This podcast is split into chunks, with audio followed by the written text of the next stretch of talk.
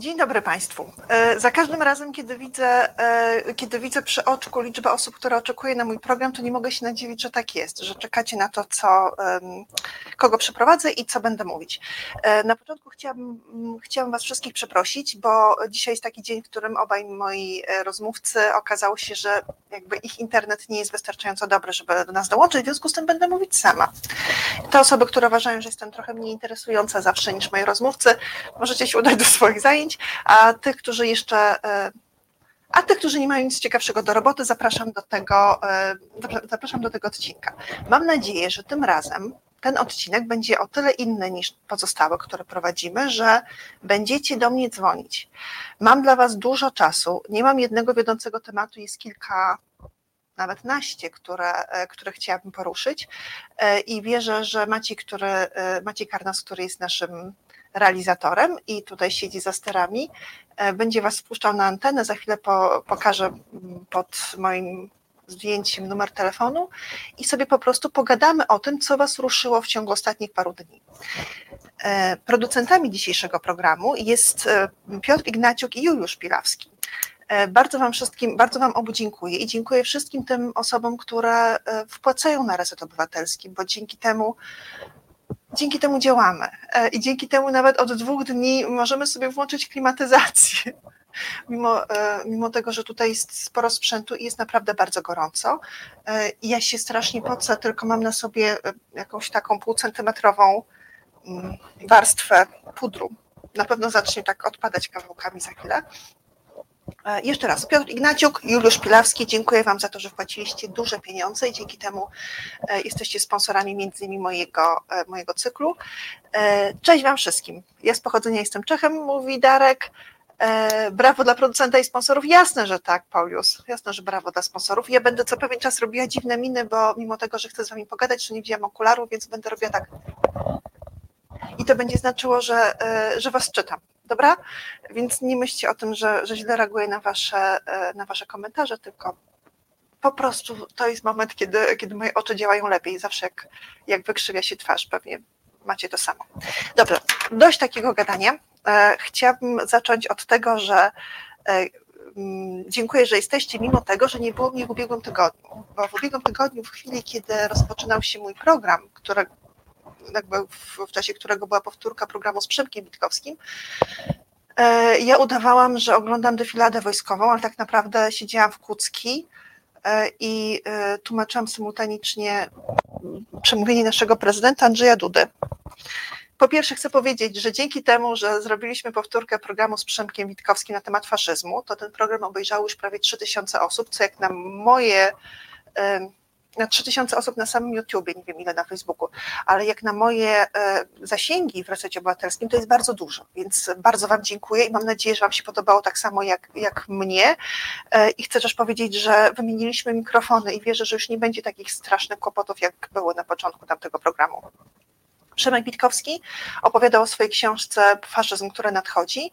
Tą książkę wciąż można kupić od ręki, można kupić audiobook e, i ją w PDF-ie, natomiast e, na, na dodruk trzeba poczekać, bo ten dodruk, znaczy, bo całe, jakby cały, cały druk wyprzedał się w ciągu czterech dni. Jeszcze raz, faszyzm, który nadchodzi. Przemysław Witkowski, wydawnictwem Miss Le Monde Diplomatique zerknijcie tam, bo to jest e, książka historyczna o naszych czasach, znaczy o tym, jak. E, no to będzie taka książka, do której się będą, e, do której się będą odnosiły różne zespoły badawcze za lat 10, 20 i 50, mówiąc o tym, jakie były współczesne źródła opisujące faszystowskie cechy państwa, których nabiera Polska w latach 20. XXI wieku. Wracając do, do tego, co robiłam. Wy oglądaliście Przemka Witkowskiego, a ja e, byłam z ekipą telewizyjną, która przyjechała tutaj, żeby opowiedzieć o tym, jak wygląda sytuacja na granicy, a przy okazji została, bo była, bo była defilada i ta defilada wszystkich interesowała. Defilada była pewnie super. Gdyby nie to, że była w trakcie udaru i myślałam, że umrę, e, to pewnie bym się z niej cieszyła, ale nawet to, co widziałam ponad głowami ludzi i to, co słyszałam, było imponujące. E, I chcę Wam jeszcze powiedzieć o, e, o czymś, co, e, co trzeba powiedzieć, mimo tego, że wszyscy jesteśmy po tej samej stronie, po tej samej stronie zmagań politycznych. to chcę powiedzieć, że bardzo dobrze i bardzo się cieszę i postarałam się, żeby to w tłumaczeniu poszło na, na tą część świata, którą wtedy obsługiwałam. Bardzo dobrze, że Duda w swoim przemówieniu powiedział Białorusi, bo, bo my prawie o niej nie pamiętamy, prawda? Mówimy czasami o Ukrainie. E, wciąż w siłę rośnie taka taka grupa, która mówi o tym, że Ukraina to nie jest nasza wojna i po co my się rozbrajamy, dając rzeczy Ukrainie, bo przecież nam, nam są potrzebne, a nie Ukrainie. Tylko, że proszę Państwa, nikt nie, jest, nikt nie jest e, samodzielną wyspą. To, że prezydent Duda, który jest słuchany przez e, oczywiście cały elektorat PiS i który ze wszystkich polityków w Polsce cieszy się największym zaufaniem. Ja wiem, że nie, jakby to nie my mu ufamy ale ufają nam, e, ufają mu nasi sąsiedzi, nasi bliscy, czasami nasi rodzice. E, I jeżeli ten prezydent w swoim przydługim e, przemówieniu, które oczywiście jest mocno polityczne i mocno wspiera partię rządzącą, jeżeli on mówi rzeczy, o których nikt nie mówi od miesięcy, czyli mówi o tym, że jest potrzebna nam nie tylko wolna Ukraina, bo ukraińska wojna to jest nasza wojna, ale potrzebna nam jest również wolna Białoruś, i wspomina Tichanowską i wspomina e, tamte ukradzione wybory przez Łukaszenkę. I ja myślę, że to jest bardzo ważne i myślę, że e, musimy to zauważyć i musimy to docenić, bo za tym nie stał żaden pomysł polityczny, żadne, żadne wspieranie kogokolwiek. Żadne, znaczy, tym określeniem on nie wpisywał się w żadną retorykę, która potem mogłaby spowodować, że ktoś pomyśli, że to jest mąż stanu a nie Duda. Ale to powiedział. I dwukrotnie to, po, i dwukrotnie to podkreślił. To powiedział, potem jeszcze raz do tego wrócił. Więc chwała mu za to. E, I chcę, żebyście pamiętali o Białorusi. Pamiętali o tym, że wciąż e, z tych protestów, które były dwa i trzy lata temu, wciąż wracają ludzie, którzy teraz dopiero są sądzeni e, i dostają kilka lat kolonii karnych. Mm, pamiętajcie o tym, dobrze? Wtedy, kiedy, e, kiedy ukraińskie zawodniczki odmawiają podania ręki e, mm, rosyjskim i białoruskim tenisistkom, kiedy, e, kiedy ukraińskie drużyny nie chcą rywalizować z białoruskimi, kiedy tak łatwo nam po prostu jest skleić Łukaszenkę z całym, z całym narodem białoruskim, kompletnie zapominając, że pierwszą pierwszą falą ucieczki jasnowłosych kobiet jasnowłosych dzieci i mężczyzn mówiących językiem, który dało się zrozumieć, e, zaliczyliśmy wcale nie w lutym 2022 roku, tylko zaliczyliśmy ją dwa lata wcześniej, kiedy pierwsza fala e, protestów przeciwko reżimowi Łukaszenki szła przez, e, szła przez Mińsk. Ludzie byli kompletnie bezbronni, nieśli biało, czerwono-białe flagi, na niektórych nich była pogoń ta pogoń, którą my pamiętamy z Harbu Jagiellonów, a która jest, e, która jest też znakiem narodowym Białorusi. Za te flagi można było notabene pójść do więzienia, więc e, jeżeli ktoś miał ją w domu i w czasie przeszukania wpadł, to po prostu dostawał zarzuty karne. E, fajnie, dobrze, cieszę się, że, e, że pan Tomasz Dralewicz pisze, że trzeba o tym pamiętać. Widzę, że pan Tomasz pisze e, z Facebooka, czyli że ogląda nas na Facebooku. Mam jeszcze do was taką prośbę, zupełnie niezwiązaną chyba z moim tematem, ale taką, jeżeli by się dało. Bo wiecie, jak trwa Top Chat, mm, to jeżeli jest was dużo i jeżeli na tym Top Czacie rozmawiacie ze sobą, to e, wtedy jest fajnie, bo wtedy e, Facebook mówi, znaczy e, YouTube mówi, o w ogóle coś fajnego się dzieje, zobacz tutaj taka wymiana poglądów, to ja trochę podbiję oglądalność i pokażę, pokażę ten program idący w live innym osobom. I to jest fajnie i my dlatego ten top chat trzymamy. Mamy co prawda regulamin dotyczący top chatu, ale ostatnio było tak, że na tym top chacie toczyliście dyskusje kompletnie niezwiązane z tym, o czym rozmawialiśmy z gośćmi. I ja wiem, że może być, może odnosicie takie wrażenie, że ja w ogóle nie słucham, czy nie czytam tego, co jest na topczacie, szczególnie wtedy, kiedy nie mam e, okularów, a dzisiaj nie mam. Ale będę czytać i czytam. Czytam e, Bena Kruczka, tak, biało-czerwone trzeba wyciągnąć. E, nie wiem, czy otrzeźwiał. Nie, to chodzi o to, że powiedział coś, o, o czym wszyscy politycy mówili trzy lata temu, ale politycy jakby mm, zmieniają piosenki, nie trzymają się ciągle tego samego repertuaru. On zacytował ten refren, który wszyscy śpiewaliśmy o Białorusi. E, powracając do top chatu, rozmawialiście między sobą, żartowaliście między sobą, składaliście sobie mocno dwuznaczne propozycje, co w ogóle nie jest niczym złym, pod warunkiem, że nie dominuje czatu i potem osoby, które zadają pytania albo, e, albo odnoszą się do tego, co mówią moi goście czy ja, e, nie mają szans nawiązać jakiejś komunikacji ani z nami, ani z innymi osobami, które są na tym czasie i też na ten temat chcą podyskutować, bo, bo między kilkoma takimi merytorycznymi wpisami jest, jest kilkadziesiąt opowieści o tym, czy ktoś idzie na rower, a czy ktoś ma ochotę spotkać się z kimś na kawę. Więc jeżeli możecie, fajnie jest, że się widzicie i fajnie, że jesteście taką społecznością resetową, która się pozdrawia i cieszy. E, okej, okay. Realizator mówi mi, że znowu są pewne kłopoty z moim mikrofonem. Więc wy to sobie przemyślcie, no sobie nie przemyślcie, teraz możecie gadać o, o czymkolwiek, bo my wyłączamy się na, na minutę i y, ja muszę poprawić, muszę poprawić swój mikrofon. Dobra, to czas startu. E, przepraszam Państwa za tą zwłokę. Mam nadzieję, że teraz słychać mnie lepiej. E, jeżeli przełączy, Maciej przełączy to, co widzę z boku na, na to przynajmniej będę mogła e, przeczytać, czy jest OK, czy nie wkręcaj goni. Tak.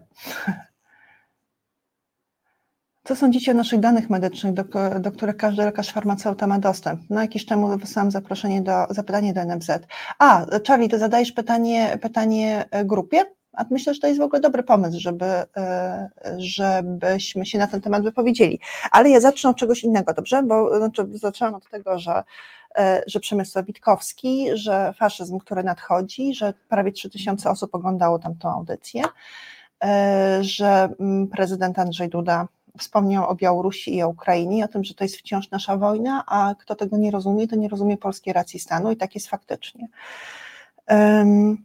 Ja chcę jeszcze powiedzieć o tej ekipie, z którą pracowałam, bo e, ostatni tydzień spędziłam na granicy, nie pomagając, tylko objaśniając ludziom, którzy przyjechali z zachodniej Europy, co się na tej granicy dzieje. I to nie były osoby, które były zainteresowane pomocą humanitarną. One były zainteresowane tweetem Morawieckiego, który. Um, który opowiedział o tym, że z uwagi na, na już nie pamiętam, powinnam, go, powinnam umieć go zacytować z pamięci, ale to był tweet mówiący o tym, że jest ogromne parcie na granicę białoruską, w rezultacie Polska postanawia, że, że ją wyraźnie militarnie wzmocni. E, jakby zaalarmowani tym tweetem, po prostu zostali wsadzeni do samochodu i z tego czy do samolotu i z tego samolotu dzwonili pytając, czy znaczy, czy mogłabym opowiedzieć o tej sytuacji i oprowadzić się o tej sytuacji. I to jest trochę tak, że to była taka ekipa bardzo, to była ekipa Francuzów, e, która nam mogłaby się wydawać nie Francuzami, tylko uchodźcami, dlatego że gdzieś tam w trzecim pokoleniu każdy z nich miał rodziców, którzy, znaczy miał dziadków, którzy e, mieszkali na Dalekim Wschodzie albo mieszkali w Afryce. I na tej granicy to był pewien problem, więc cała ta historia trochę tak zatoczyła kółko, gdyż od samego początku, kiedy oni nie byli zainteresowani żadną drugą, jakby żadną drugą opinią, żadnymi wypowiedziami osób, które mówiłyby o tym, że ej, granica białoruska nie jest jakoś pod jakimś specjalnym naporem nie wiem, e, Wagnerowców, czy też służb specjalnych Białorusi, czy nawet, nawet specjalnie uchodźców, bo e, te trzy ścieżki, jak zacytowałam i znaczy pokazałam im trzy wywiady Jarosława Kaczyńskiego, e, Mateusza Morawieckiego oraz E, oraz Błaszczaka, który jest szefem, szefem MONU. Każdy z nich w przeciągu paru dni opowiadał o tym, jakie jest największe zagrożenie na, na granicy białoruskiej, więc historycznie największe, znaczy historycznie, czyli gdzieś tam z okolic końca końca lipca, to był wywiad Jarosława Kaczyńskiego, który mówił o tym, że to jest zagrożenie ze strony, ze strony Moskwy oraz Wagnerowców, Potem przyszedł Mateusz e, Morawiecki i no właśnie napisał tweeta mówiącego o tym, że, e, że chodzi tak naprawdę o, e, o napór ze strony uchodźców. Po czym przyszedł Błaszczak i powiedział, że nie chodzi ani o Wagnerowców, ani o, o, ani o uchodźców, tylko chodzi chyba jakby szczególnie o jakiś specjalny oddział ze strony Kremla. No generalnie rzecz biorąc,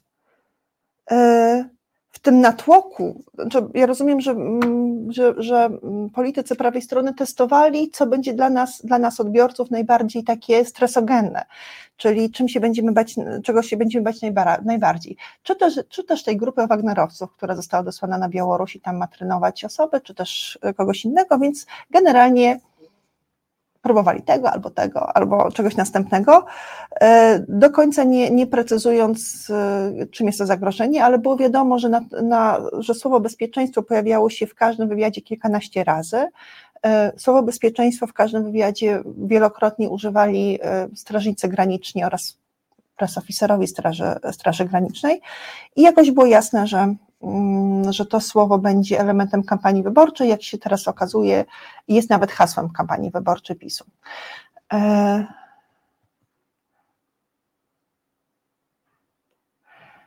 no dobrze, wy sobie tutaj dyskutujecie na temat, na temat lekarzy, a ja jeszcze, jeszcze dokończę, że ta moja ekipa powiedziała, że ona jakby nie chce gdzieś tam konfrontować się z osobami, które mówią, e, to wcale nie jest taka, takie zagrożenie, tym bardziej, że z polityków drugiej strony raczej nikt nie chciał wystąpić z takim oświadczeniem, no bo to by oznaczało, że znaczy łatwo byłoby to zamienić w taką, w taką sytuację, w której ktoś absolutnie ignoruje bezpieczeństwo. Więc my nakręcaliśmy spiralę strachu, uczestnicząc w tym. Oni, tnąc po prostu kawałki wypowiedzi polityków, do których trafialiśmy oraz y, oraz Straży Granicznej, która również się wypowiadała.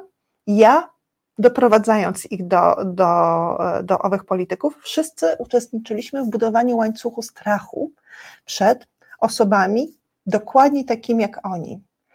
E, I gdzieś pod koniec tej naszej podróży na granicy kiedy zostaliśmy po raz czwarty zatrzymani przez Straż Graniczną, a obaj panowie byli bardzo dokładnie legitymowani i tam dzwoniono do różnych służb, czy oni faktycznie mogą tutaj przebywać, dlatego że wyglądali tak, jak wyglądali, czyli byli śniadzi. E, I mówili po francusku, ale czasem między sobą mówili w, na przykład po arabsku, kiedy byli w sklepie i coś tam kupowali, i mówili między sobą, nie wiem, jakiś taki fragment arabskiego.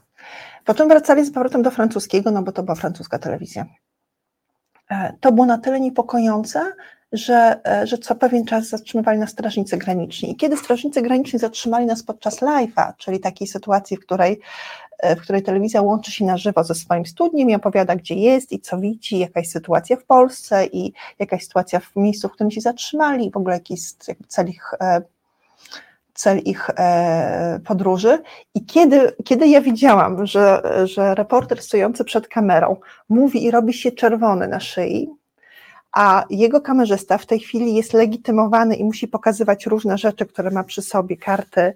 E, ktoś tam macha, że w ogóle, żeby wyłączyć live'a, no bo sobie tego nie życzą strażnicy graniczni, mimo tego, że jesteśmy wszyscy jakby w kamizelkach presu i e, mamy wszystkie potrzebne zgody. Dopiero wtedy wywiązała się między nami taka dyskusja, która mówi o tym, że dziennikarze są odpowiedzialni za to, jak ludzie widzą świat. E, I e, jeżeli oni, mm, jeżeli oni nie dopuszczają do znaczy, jeżeli nie chcą komplikować sytuacji, chcą tylko przekazać słowa tych najważniejszych osób w państwie, opowiedzieć, jak wygląda sytuacja widziana ich oczami i po prostu wrócić do kraju, robić e, już materiał na, na inny temat, na przykład wojnę w Nigrze, to, y, to muszą wiedzieć, że y, nie mogą się, jakby nie mogą być źli z tego powodu, że strażnicy graniczni, którzy są słuchaczami, którzy są uczestnikami całego tego dyskursu pod tytułem zagraża nam wszystko, co tylko podchodzi pod granicę, zatrzymują ich co jakiś czas i co jakiś czas trzepią nas wszystkich. Bo y, przekazując to dalej, po prostu w tym uczestniczymy, jeżeli nie, nie, nie, nie opatrzymy tego żadnym krytycznym komentarzem. E, o Jezu, już tyle osób nie słucha, mimo, o, bardzo się cieszę, czyli wydaje Wam się, że to jest jakaś historia, która ma sens, bo z mojego punktu widzenia ona miała sens. Ja, ja wtedy no, znaczy nie chodzi o mnie, bo ja o tym wiedziałam, natomiast chodziło właśnie o tych, o tych ludzi, którzy przyjechali nie po to, żeby opowiadać o tym, jak, e, jak moi rodacy ratują osoby, które mówią Polanda, oni też mówili między sobą Polanda. I to było coś takiego, co łamało serce, bo ja to słowo Polanda słyszałam wyłącznie od osób, które, mm, które były bardzo zmęczone i które chciały wody i które nie miały czasem butów. i które czasami nie miały nadziei, że przeżyją, ale prosiły o to, żeby Polanda udzieliła im pomocy i schronienia i żeby ich zaakceptowała na tej ziemi, bo nie mogą żyć tam, gdzie żyją. I kiedy to, to słowo Polanda pojawiało się kilkadziesiąt razy dziennie, czy może nie kilkadziesiąt, ale kilka razy dziennie w różnych materiałach, czy w różnych takich mm, tak zwanych live'ach, które robiliśmy z różnych miejsc, to miałam to dziwne uczucie takiego, e, takiego e, takiej nierzeczywistości, że to są ludzie stamtąd e, i oni kiedy spotkaliby na przykład takiego uchodźcę, to spokojnie by się z nim dogadali e, i pewnie pochodzą z podobnych kręgów kulturowych. Oprócz tego, oczywiście, może mi się wydaje, że z podobnych kręgów, bo moi są po prostu Francuzami. Pytanie, pytanie o narodowość i pytanie o jakby o przynależność, mówi, no jednak no, jesteśmy Francuzami. To, że każdy na granicy widział w nich po prostu lepiej ubranych uchodźców, nie było dla nich widoczne aż do chwili, kiedy okazało się, że jeździ za nami Straż Graniczna. I był taki, był taki przypadek, kiedy jechaliśmy sobie przez jakąś wioseczkę, szukając miejsca, gdzie, e, gdzie widać płot, żeby było można zrobić tam właśnie zdjęcie i live i pokazać, że jesteśmy przy tej zewnętrznej, jak to mówią strażnicy zaporze.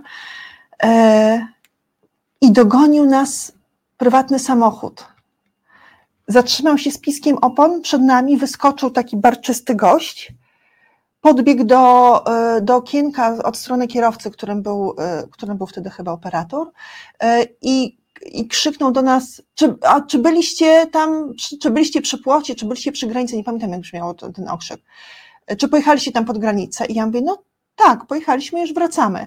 I on wtedy odkrzyknął, zatrzymać się, jestem ze Straży Granicznej. Oczywiście mój operator kompletnie nie rozumiał tego, co krzyczy nie, jakiś facet, który zatrzymał się z piskiem opon, więc my sobie pogadaliśmy trochę podniesionym głosem i on zaczął jechać dalej i wtedy tamten człowiek się faktycznie wkurzył, zaczął zatrzymywać samochód. Zanim powiedziałam, że stop, stop, że on prosi nas, żebyśmy się zatrzymali, e, to, e, to minęła chwila takiego e, jakby dużego napięcia z naszej strony i również z jego strony. Za nami jechała Straż Graniczna, która, no, która nas obserwowała.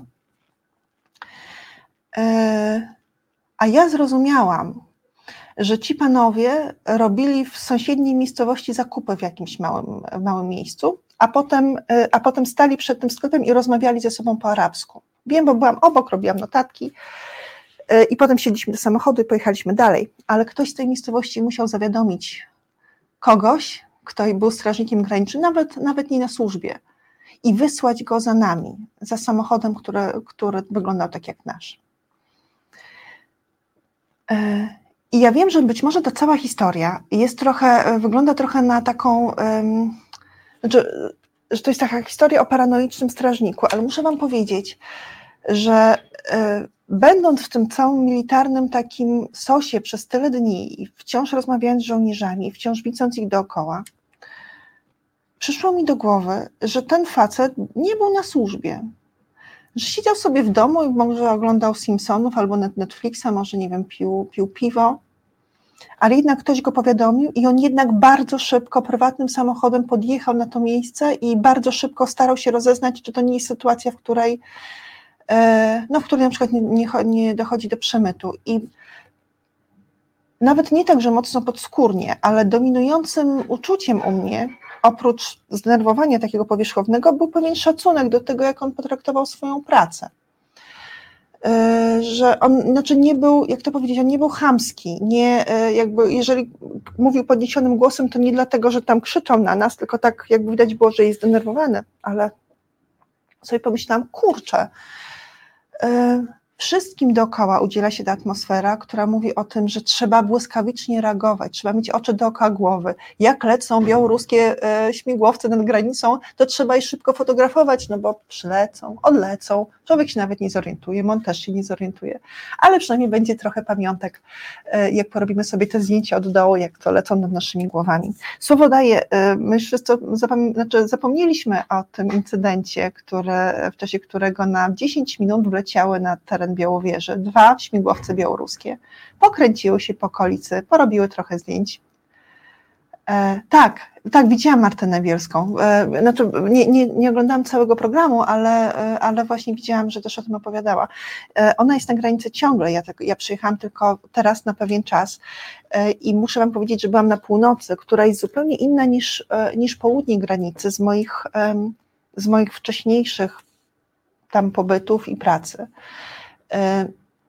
kogokolwiek byśmy nie zapytali na, na północy o nastroje, to wszyscy mówili, że faktycznie rozumieją, że sytuacja jest poważna i rozumieją, że e, strażnicy oraz wojsko ich chroni i że to dobrze, że chroni, że powinno chronić. Tylko jedna osoba, którą był, e, którą był jak to przewodniczący gminy wyznaniowej, muzułmańskiej gminy wyznaniowej w, w Kruszynianach powiedział, że powiedział to samo, że w ogóle, że rozumie, że wojsko i że granica powinna być chroniona, to w końcu to nie jest taka mała rzecz, granica państwa, ale też widzi, e, że nie są dochowywane procedury przy tych zatrzymaniach, a powinny być dochowywane.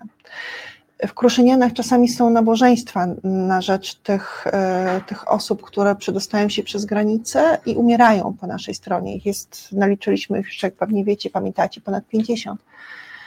Czasami e, w meczecie są odprawiane msze za nich. I na tę mszę przychodzi ta maleńka społeczność e, tatarskiej e, wioski Kruszyniany.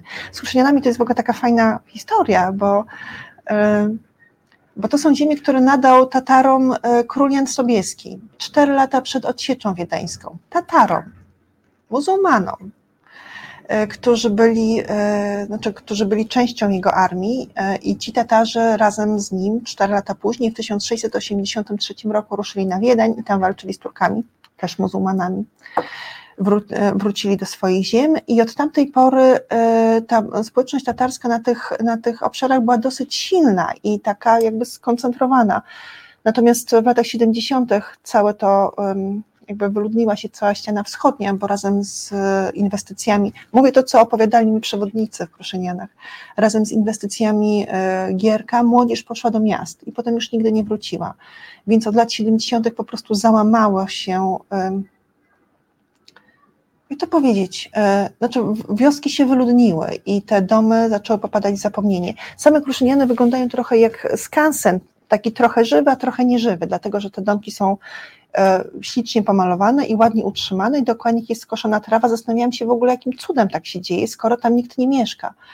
I okazało się, że dlatego, że, że Tatarzy bardzo prosili potomków tych Tatarów, którzy tutaj kiedyś byli, a potem wyjechali, żeby przynajmniej nie sprzedawali tutaj ziemi, albo żeby odkupywali te ziemie, jeżeli one gdzieś tam przeszły na, na czyjś innych użytek, żeby wciąż Kruszyniany i te najbliższe ich okolice, gdzie jest zupełnie inny mikroklimat niż, e, E, niż w sąsiednich miejscowościach, żeby one wciąż były taką mikrospołecznością, naprawdę mikro, bo e, kiedy były wybory wójta w Kruszynianach, to wyobraźcie sobie, ile osób miało prawa e, do tego, żeby głosować na wójta.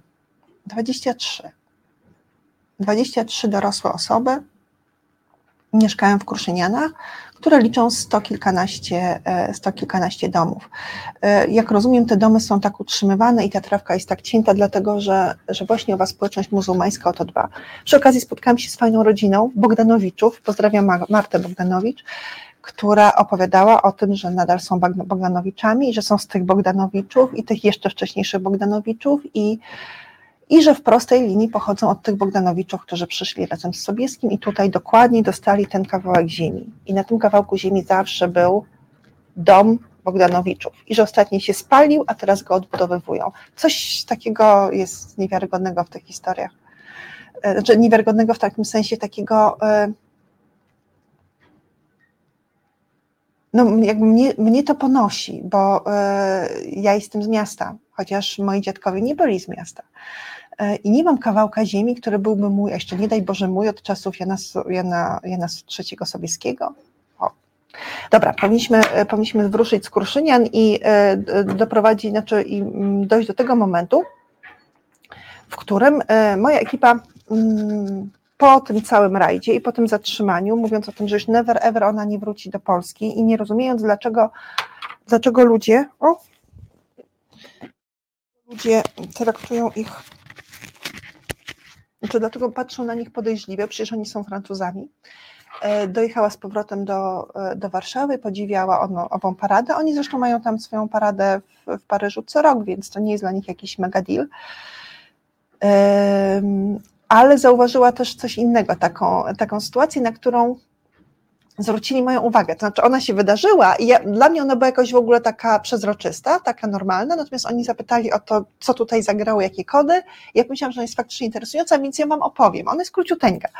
Chodzi o to, że y, mamy hipermarket na pół wymarły, bo znajduje się na przejściu granicznym, które jest totalnie zamknięte i 90% y, ludzi, którzy pracowali w tych wszystkich miejscach, które, które powstały dlatego, że jest przejście graniczne z Białorusią, a teraz już go nie ma, mm, no, osoby zbankrutowały, ten sklep ma jakąś tam jedną tysięczną dochodów, które miał, obsługuje go jeden wielki hipermarket, chyba jedna, jedna samotna kasjerka, która jest też panią od układania.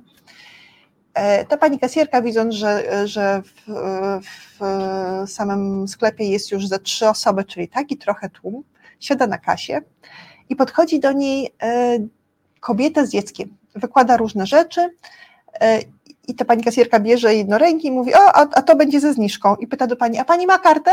Pytając o kartę owej sieci sklepów. E, I ta pani z takim silnym wschodnim akcentem mówi, nie, umienia nie, nie, nie mają. I co robi pani kasjerka?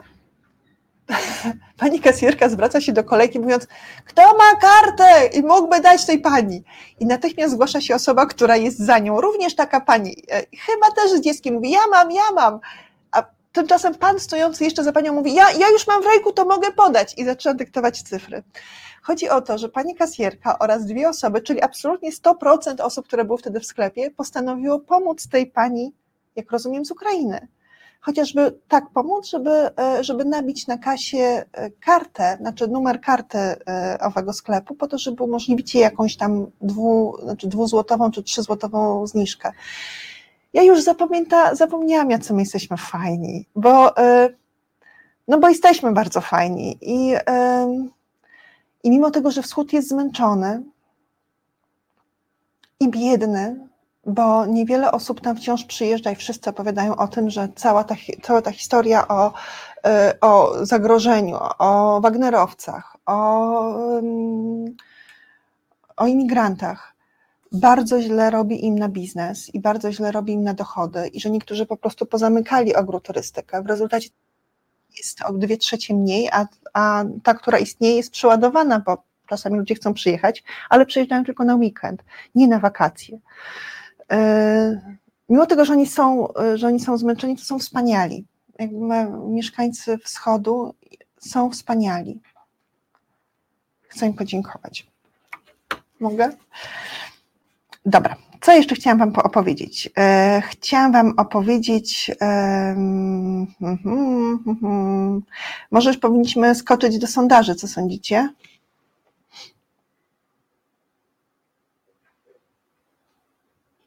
Kto chce, kto chce, żebyśmy porozmawiali o sondażach? Nie mam żadnej, nie mam żadnej odpowiedzi. E, aha. No dobra. E, chcecie czy nie chcecie? Opowiem wam, e, opowiem wam o ostatnim sondażu United Surveys. I w tym celu, uwaga, zrobiłam sobie tutaj, e, zrobiłam sobie tutaj trochę, e, trochę rzeczy poglądowych. To są słupki. Och, i teraz będę musiała poprosić Maćka, żeby przestawił trochę kamerę, żebyście zobaczyli, co mam przed sobą. Przyszedł nam sondaż. Ojej. Trochę, trochę, może Maciek trochę wejdzie jednak. Dobra? Bo tutaj mamy po bokach trochę dużo rzeczy. Dobra. E, I tak. O, o, o. Kit, tak jest ok. Potem, e, potem zmienisz, dobra? No dobra, przyszedł nam sondaż, e, z którego się wszyscy ucieszyli, a y, doktor Jarosław Flis, oj, znowu mi się zagięło, a doktor Jarosław Flis nawet napisał, że, że przy tym układzie głosów, który wynika z sondażu United Surveys, to jest szansa na to, żeby opozycja przejęła władzę. Ponieważ od y, marca, czyli od y, kwiecień, maj, czerwiec, lipiec, sierpień, od pięciu miesięcy nie było sondażu, który pokazywałby, że koalicja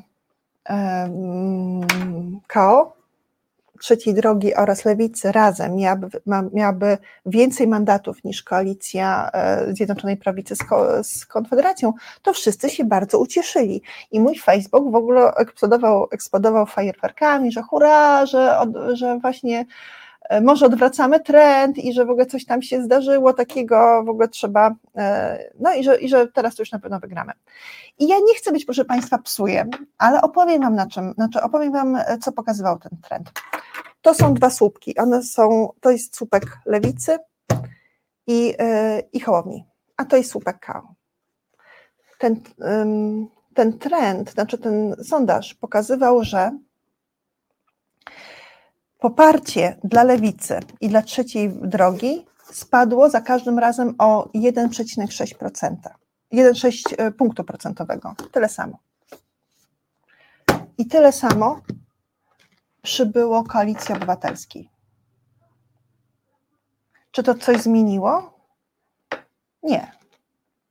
Wciąż dokładnie taka sama liczba osób e, głosuje na koalicję obywatelską, znaczy głosuje na e, partię naszej strony. Ale ten układ powoduje, że niestety dostajemy mniej mandatów niż w sytuacji, która była wcześniej. Ja pokazuję ten 1,6 e, punktu procentowego, dlatego że e, odnoszę, ten, no odnoszę wyniki United Surveys sprzed dwóch dni do sondażu, który robił trzy tygodnie temu i właśnie biorąc pod uwagę tą zmianę, to ona właśnie tak wyglądała, że 1,6 punktu procentowego, bo każdy taki, każda taka książeczka, każdy taki 1,6 punktu procentowego przy tych partiach, kiedy miało poparcie 10-11%, oznaczało na przykład, bo nie, nie, nie tego, ale oznaczało na przykład po, po 8 mandatów.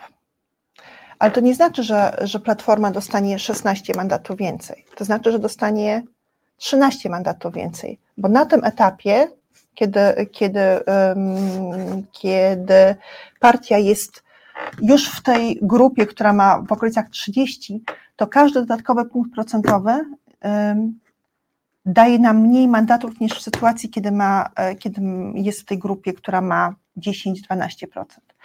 Tak działa DONT. I gdyby było możliwe, tak jak marzy się bardzo wielu um, zwolennikom, um, znaczy tej grupy Silni Razem na przykład, że Platforma pożre wszystkich głosujących na, na Hołownię i na Platformę, znaczy na Hołownię i na, e, i na Lewicę. I tu im przybędzie, to wcale nie będzie znaczyło, że będziemy mieli tych mandatów więcej. To właśnie przydarzyło się nam po 4 czerwca, kiedy mnóstwo, e, elektor, znaczy mnóstwo osób elektoratu e, PSL-u i Hołowni oraz Lewicy przerzucili, jak się potem okazało czasowo, swoje głosy na koalicję obywatelską, tak wynikało w sondażach, i w rezultacie, w rezultacie liczba mandatów, które dostaliśmy, które mieliśmy dostać przy takim układzie, poleciała w dół. Od, tak, tak zwane odbijanie się platformy i to, na co, e, na co liczą e, posłowie, czy liczni posłowie platformy oraz osoby wspomagające, żeby przekroczyć ten magiczny, e, magiczny pułap 30% albo ho, ho, ho, w ogóle dotrzeć do 40%. Wiecie, co się wtedy dzieje? E, zakładając, że, e, że nadal będziemy bawić się w to, żeby kopać chłowni i mówiąc o tym, jakim to nie jest głupim, złym chłopczykiem i jak, jacy głupi, źli są ludzie i w ogóle nienormalni są ludzie, którzy niego głosują. Zdarzy się, że, że ta kubka hołowniowa na przykład spowoduje to, że jakaś część hołowni jednak będzie głosowała na, na platformę. I co się stanie z tymi książeczkami? Co się stanie ze słupkiem hołowni? Zostanie rozdysponowany w taki sposób, że część dostanie, dostanie koalicja, Część dostanie PiS, a część dostanie Konfederacja. I to nie będzie znaczyło, że koalicja wygrywa i że możemy przyjąć władzę. To jest najgorszy ze scenariuszy, który może nas czekać, czyli gryzienie albo lewicy, albo gryzienie hołowni i spowodowanie, że, że liczba jego zwolenników spadnie tak drastycznie, że znajdą się pod, pod progiem, oznacza naszą przegraną jakby w pełnej rozciągłości. Na razie nasza przegrana nie jest gwarantowana. Na razie, co prawda, pokazują ją, e, pokazuje ją 9 sondaży na 10, mówiąc o tym, że różnica mandatów, jaka przypadnie nam naszej stronie demokratycznej versus stronie, stronie e, czyli PiSowi i Konfederacji wynosi 20, co oznacza, że musimy PiSowi zabrać 10 mandatów, żeby móc mieć tą kruchą, kruchą równowagę czy kruchą przewagę. Zabrać. My już ich nie wydestorujemy z powietrza. My musimy po prostu wyrwać te mandaty, e, na przykład Konfederatom. Ten sondaż, o którym mówię, coś takiego pokazał. Bo pokazał, że teraz uwaga, to już nie jest, to już nie jest Konfederacja i, e, i Lewica i Hołownia, tylko to jest PiS, a to jest Konfederacja. Jezus, mam, mam książkę o papieżu. E, tym poprzednim, znaczy tym poprzednim wobec obecnego. Więc co pokazał e, Sondaż United Surveys o, na temat Konfederacji i PiSu? co może nas ucieszyć. Pokazał nam, że wyniki Konfederacji są znacznie niższe niż te poprzednie. Znacznie, to znaczy o, o ponad 5,5 punktu procentowego. Wow, to prawie jedna trzecia, czyli tak jakby jedna trzecia tych osób, które trzy tygodnie temu chciały głosować na Konfederację, już nie chce. Z tej grupy, maleńka grupa, znaczy nie wiemy, czy z tej grupy, czy z jakiejś innej, no ale w międzyczasie maleńka grupa z tych 5,5% postanawia jednak zagłosować na PiS, czyli rośnie trochę PiSowi, a pozostała, e, pozostała część, mniej więcej 4% z kawałeczkiem, cofa się do grupy, która się nazywa niezdecydowani. Czyli tacy, którzy myśleli, że Manson jest taki fajny i w ogóle ma takie proste odpowiedzi na, na skomplikowane pytania i ma dość duopolu i w ogóle to wszystko, ale kiedy, zaczęło, e, kiedy zaczęła słuchać Brauna oraz dotarło do nich, że może jednak e, nie da się mieć domu, samochodu e, czy dwóch samochodów i, i wakacji tak po prostu, że jakby państwo tego gwarantować nie może oraz, że Konfederacja to jest jakiś w ogóle, to jest jakiś fejkowy projekt, w którym wszyscy albo się śmieją ze swoich własnych e, słów, albo udają, że ich nie było, albo mówią, ej stary, no po prostu napisz się, ej, a tam, nie gadajmy, napisz się. I ta grupa cofnęła się na pole początkowe mówiąc, to ja jeszcze nie wiem, na kogo oddam swój głos. Więc generalnie ten, e, ten, z tego sondażu powinniśmy się cieszyć, ale nie dlatego, że, e, że ludzie z lewicy i z Hołowni przerzucają głosy na, na, na koalicję obywatelską, bo to nie jest dobre. Zostańmy, jeżeli gdzieś tam w duszy nam gra, że pro, projekt e, Hołowni PSL-u albo projekt Lewicy jest bliżej naszym zapatrywaniom, to na nim głosujmy jedna i druga partia jest sporo ponad, ponad progiem. To nie jest sytuacja, w której możecie, w której możecie stracić swój głos. Nie stracicie go, bo e, oba, oba te ugrupowania wejdą do Sejmu, w ogóle na bank. Pracujemy nad tym, żeby weszli do Sejmu, mając w sumie więcej mandatów aniżeli, aniżeli strona prawa, ale na pewno nie, e, na pewno nie stracicie głosu głosując na, na Hołownię albo na, na Lewicę. Natomiast pracujmy, słuchajcie, wszyscy, nad tą grupą, która jest tam troszeczkę, e, troszeczkę bardziej liczna, bo, bo tych niezdecydowanych według United Surveys zrobiło się już 9% zamiast 5%. 9%, czyli w zasadzie co, co dziesiąte, które mówi, dobra, wezmę udział w wyborach, mówi, ale nie wiem na kogo. Co prawda byśmy trochę więcej wiedzieli o tej grupie, gdyby e, do, do mainstreamu badań, do złotego, e, jak to powiedzieć, złotego standardu przebiło się to, co zrobił dr Machowski e, parę miesięcy temu, w marcu, po prostu pytając osoby niezdecydowane. Znaczy, wiesz co, e, jakby jak można zaniżać wyniki Konfederacji? My mamy bardzo różne e, grupy badawcze, które robią badania i, na, i dla Do Rzeczy, i dla Wirtualnej Polski, i dla E, tak jak Cebos robi dla telewizji publicznej. Kurczę, Cebos wyszedł z obopu, ja pracowałam dla obopu i ja pamiętam, że tam są, że tam są naprawdę były bardzo wysokie standardy prowadzenia tych badań. Nie mam pojęcia, dlaczego tak się stało, że w ciągu tych ostatnich lat wyniki obopu, wyniki, wyniki Cebosu tak ogromnie się różnią na plus, wobec wszystkich, na, na plus dla, dla partii rządzącej, wobec wszystkich innych wyników, e, innych placówek badawczych. Z drugiej strony, nie, nie, nie, nie. Tutaj mamy, tutaj mamy Cebos, który mówi, nie, w ogóle tutaj przykrywa was czapką, yy, przykrywa was czapką yy, PO, yy, PiS i w ogóle nie ma o czym mówić. Idziemy, idziemy po Polskę, będziemy sobie maszerować kolejne, kolejne 4 lata, a tutaj przychodzi kantar i mówi hola, hola, nieprawda, nieprawda. Lewica i ta trzecia droga to ledwo sobie dyszą, natomiast KO, słuchajcie, to jest gość. On rośnie w siłę i w ogóle już dawno temu przekroczył 30 i jest coraz więcej, coraz więcej. A tutaj jest sporo takich właśnie małych igrisów, czy, czy social, social changes, czy polester, czy polester, czy tak jak teraz United Service, który mówi, nie, nie, nie, proszę Państwa, tutaj prawda jest mniej więcej po środku. To znaczy przepływ pomiędzy lewicą, trzecią drogą i platformą w zasadzie tam istnieje w kółeczko. E, elektorat twardy, e, twardy PiSu nadal wynosi 33% i nie chce stanowić mniej. Czasami jest więcej, ale nigdy mniej. E, I więc dilujcie sobie z tym, co macie. Głosuje na was w tej chwili United Service twierdzi, że głosuje tych zdecydowanych osób, którzy są, którzy są zdecydowani na to, żeby zagłosować na, mm, na stronę opozycyjną, jest odrobinę więcej niż tych, którzy chcą zagłosować na stronę prawicową. Odrobinę, bo przez ostatnie cztery miesiące szły w web web, to znaczy 48,5% osób głosujących. Ojej, to już jest ten moment, kiedy klimat przestaje działać. Czy my mamy w ogóle klimatyzację, Maciek? Klimatyzator, ale a mamy klimatyzator, a da się go włączyć.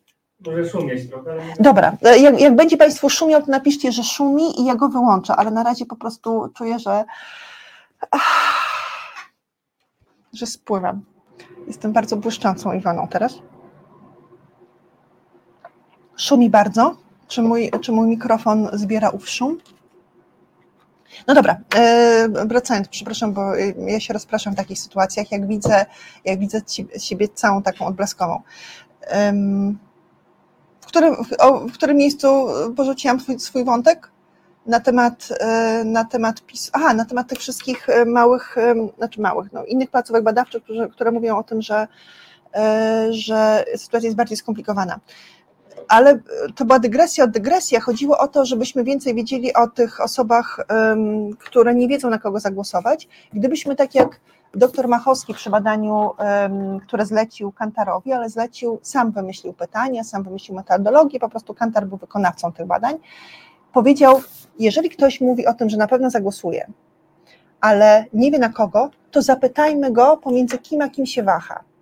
I wtedy ci, y, te osoby, które, które nie wiedziały, na kogo, na kogo głosowały, na kogo będą głosować, dostawały drugie pytanie z pytaniem: Rozumiem, że pani waha, ale jeżeli, y, proszę powiedzieć, między jakimi formacjami się pani waha. Jeżeli ta osoba wahała się pomiędzy dwiema, to pół książeczki dostawała jedna, jedna grupka, a pół książeczki, pół, pół punktu dostawała jedna, jakby jedna formacja, pół punktu drugiej, druga. Jeżeli się, jeżeli się wahała pomiędzy trzema formacjami, to każda z tych formacji na którą być może złożyłaby głos, dostawała jedną trzecią swojego punktu.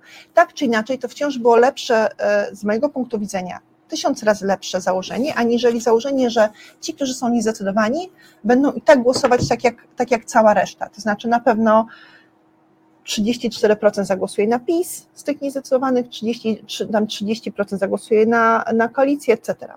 No nie, bo w badaniach Machowskiego wyszło, że ci niezdecydowani to, nie, to są niezdecydowani dlatego, że chcą głosować, w większości chcą głosować na opozycję demokratyczną, tylko nie wiedzą na którą partię w obrębie tych wszystkich trzech.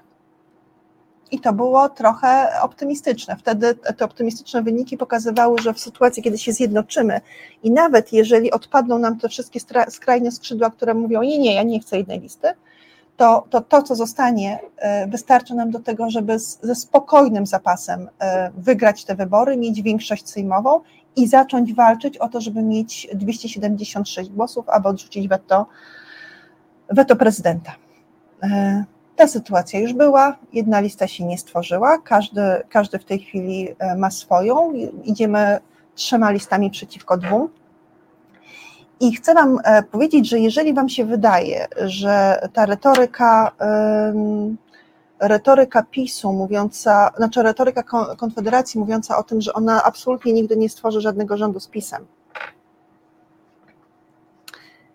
Nadal obowiązuje, to chcę Wam powiedzieć, że nie. Że niestety już nie, dlatego że dwa dni temu, y, czyli 20, nie nawet jeden dzień temu, 21 sierpnia w Rzeszowie Krzysztof Bosak y, na swoim spotkaniu takim, bo oni organizują takie wielkie spotkania ze swoimi zwolennikami powiedział, że jeśli, znaczy, że, że nie jest sztuką e, wejść do rządu e, i, e, dostać jakieś ministerstwa, trochę spółek Skarbu Państwa i tak po prostu sobie zalec i się tym cieszyć i paść. Sztuką jest realizować wtedy swój program. I on obiecuje, że jeżeli wejdą do rządu i dostaną te wszystkie, e, te wszystkie ministerstwa i miejsca w, znaczy w spółkach Skarbu Państwa, to on będzie realizował swój program. Ten sam Krzysztof Bosak, który na defiladzie, o której opowiadałam chwilę temu, e, stał w pierwszym rzędzie, co prawda nie centralnie, ale gdzieś tam o dwie osoby oddalony od, od Mateusza Morawieckiego, jako jako gość zaproszony przez partię rządzącą. Co prawda e, nie było tam ani nikogo z Platformy, ani z Trzeciej Drogi, ani z PSL-u, ani oczywiście z Lewicy, ale był Krzysztof Bosak. I już wtedy było wiadomo, to był 15 sierpnia, że Krzysztof Bosak jest w orbicie PiSu, tak jak, tak jak nam się wszystkim wydawało. I to nie jest sytuacja, w której, w której Konfederacja pozostanie neutralna i będzie patrzyła na nawalankę, ewentualną nawalankę między PiS a, e, a Koalicją Obywatelską, kiedy okaże się, że żadna z tych partii nie ma większości. Wczorajsze czy przedwczorajsze wystąpienie Bosaka e, jakby było sygnałem mówiącym o tym, że tak, wchodzimy w koalicję z PiSem. Ale nie martwcie się, ci, którzy na nas będą głosować, i tak wtedy będziemy realizować program. E, no więc te wszystkie osoby, teraz, teraz możemy chyba mieć trochę cieśniejszy kadr, e, Maciek, jeżeli mogę Ciebie prosić. Te wszystkie osoby, które wciąż myślą o tym, jak może wyglądać przyszłość w sytuacji, kiedy po wyborach nie będzie e, już. E, kiedy po wyborach Konfederacja będzie znaczy stawiała weto każdej sprawie, nie będzie zajmowała stanowiska, będzie czekała, będzie jakby przeczekiwała ten moment, aż okaże się, że nikt nie jest w stanie rządzić, że PiS nie jest w stanie zgromadzić większości, że jest przygłosowywany przez, e, przez Platformę i e, no i tak by ta rzecz się nie wydarza, znaczy nie wydarza się dalszy rozwój państwa i trzeba powtórzyć wybory, i e, wydaje się Państwu, że wtedy Konfederacja chce takiej sytuacji, chce, żeby przy powtórzonych wyborach właśnie na wiosnę, może przyszłego roku, dostać kolejne procenty, w sumie dobić na przykład do 20, no to chcę, żebyście się pogodzili z sytuacją, w której nie, jakby Konfederacja na to nie będzie grać. Będzie grać jednak na, na współpracę z, ze Zjednoczoną Prawicą, gdzie pewnie wygryzie e, Ziobrowców e, i Bąkiewicza, bo, bo konfederatów będzie jednak trochę więcej niż e, tego radykalnego skrzydła, skrzydła Zjednoczonej Prawicy. Tam się rozsiądzie i będziemy mieli przez kolejne 4 lata rządy PiSu plus Konfederacji. Wie pan co, panie Henryku, ja biorę na serio Bosaka, dlatego że on jest przewodniczącym, przewodniczącym Konfederacji. I ja nie odnoszę się do słów jakiegoś harcownika, na przykład Janusza Korwina-Mikke czy, czy Brauna, tylko osoby, która jest przewodniczącym i która w prawyborach, które organizowała Konfederacja dwa lata temu, kiedy były wybory prezydenckie, który wygrywał w każdych prawyborach, które, y, które, organizo, znaczy, które organizowała Konfederacja w każdym kolejnym mieście, w którym miała swoje spotkania. Y, to chyba, nie wiem czy Państwo o tym wiedzą, bo to był czas, kiedy Paweł Kasprzak z Obywateli RP, nasz gość sprzed dwóch tygodni, y, tak bardzo mocno lansował ideę prawyborów, mówiąc o tym, że, że to powoduje, że ludzie są zaangażowani w proces um, wyboru, że w ogóle są zaangażowani w same wybory i oddając swój głos na kandydatów w tych wyborach wcześniejszych, czyli wyborach kandydatów na kandydatów na listach, potem chętnie angażują się w samą kampanię i w ogóle czują się współsprawcami. I kto go posłuchał? Posłuchała go Konfederacja. I Konfederacja idąc sobie, e, Konfederacja, która wtedy kompletnie nie była znana, znaczy w ogóle miała jakieś 1,5% poparcia, kiedy zaczynali ten marsz. To było w czasie wyborów prezydenckich. I kiedy, y, kiedy chodziła po tych różnych swoich miejscowościach, to za każdym razem wśród osób, które były na spotkaniu i zapłaciły odpowiednią kwotę, zarejestrowały się tam w systemie wniosków, pytała ich, którzy kandydaci z tych, którzy byli na spotkaniu, są najlepsi, i za każdym razem odrzucała tego, który dostał, czy tą, która dostała najmniej punktów. W ten sposób, jeżdżąc od wsi do wsi, przedstawiała coraz mniejsze grono I gdzieś tam na końcu wyszedł, wyszedł jej Bosak. Nieprzypadkowo, bo Bosak jest wiecowcem. Potrafi bardzo dobrze mówić, bardzo składnie i inteligentnie. Słuchałam go w, w czasie różnych przemówień i o ile możemy żartować sobie z Mencena i z tego, że on jest w stanie, e, że on jest w stanie budować sobie króciuteńkie takie mikrohistorie, które się mieszczą, w, podobnie jak, e, jak Kornmike, które się mieszczą w 40 sekundach e, filmu na Instagramie czy na TikToku, o tyle Bosak potrafi opowiedzieć o pewnej wizji państwa i zrobić to w tak atrakcyjny sposób, że ludzie mówią, ej, no w zasadzie dlaczego nie? No przecież, no i jakby jestem tego wart. Jestem tego warta. Więc tak, to jest niebezpieczny człowiek i e, on nie chodzi w krótkich spodenkach już od bardzo dawna. E, jest też takie, jest coś, co, e, na co zwrócili uwagę publicyści ostatnio, mówiąc o tym, że, że w tej chwili zagłosują osiemnastolatki, osoby, które urodziły się w duopolu, urodziły się w państwie, w którym rządziła albo PiS, albo PO ja jeszcze jestem osobą, która pamięta, kiedy, e, kiedy przy rządach było SLD i pamiętam Jarugę Nowacką, która była moją, e, moją idolką. E, I pomyślałam, jej, w ogóle, no właśnie tak powinni wyglądać politycy, tak powinny wyglądać kobiety w polityce, tak o tym powinny mówić i ta wizja, jej wizja świata i jej wizja, jakby jej energia i jakby sposób radzenia sobie w tym Sejmie, który był po prostu usłany garniturami od pierwszych do ostatnich, do ostatnich um, ław. Tam byli sami mężczyźni, co pewien czas była jakaś kobieta również w męskim garniturze, żeby się wydawać przecież bardziej profesjonalną. Wiadomo, że nic tak nie czyni kobiety e, profesjonalnej jak koszula oraz garnitur. Co zresztą jakby widać po mnie. E, I wtedy wydawało mi się właśnie, że, e, no, że tak jak jest, jest dobrze. No, tylko nastąpił 2003 rok ja wtedy trochę straciłam kontakt z polityką, bo zajęłam się byciem mamą. E, I jakby, jakby nie, nie byłam zaangażowana w ten cały proces e, przejmowania władzy po jednej i po drugiej stronie. Raz tylko pamiętam, że uderzyło mnie, uderzyła mnie taka historia, kiedy, kiedy jechałam tramwajem, zresztą całkiem niedawno tutaj ulicą Andersa, tramwaj stanął, bo okazało się, że ulicą idzie jakiś naprawdę ogromny tłum z transparentami i z, e, i z tabliczkami i z, e, i z bozią. I zastanawiałam się w ogóle, co to jest i dlaczego ja o tym nie wiem. No przecież jakby mam telewizję, oglądam TVN24, no jestem aktywna na Facebooku, nie jakoś specjalnie politycznie, no ale oglądam programy informacyjne. O tym, e, o tej, o tym ogromnym tłumie nikt się nie zająknął, a to, był, to była demonstracja rodzin Gazety Polskiej. To była sytuacja, w której media kompletnie nie mówiły o tym, co się dzieje po drugiej stronie i jak jak e, po drugiej stronie niż Platforma, która wtedy była trochę przy władzy owych mediów. E, I wtedy sobie pomyślałam, że być może ja po prostu nie, wie, nie wiem wszystkiego o moim państwie. Wydawało mi się, że wiem, że programy są rzetelne, zakładam a priori, że one są rzetelne, że mówią o najważniejszych przypadkach tutaj i lokalnych, i tych europejskich, i pozalokalnych. I okazało się, że wcale nie. A teraz Maciek, jednak poproszę Ciebie o wyłączenie, bo, e, bo ten ten szum powoduje to, że mówię coraz wolniej coraz trudniej. Przypominam sobie początek zdania.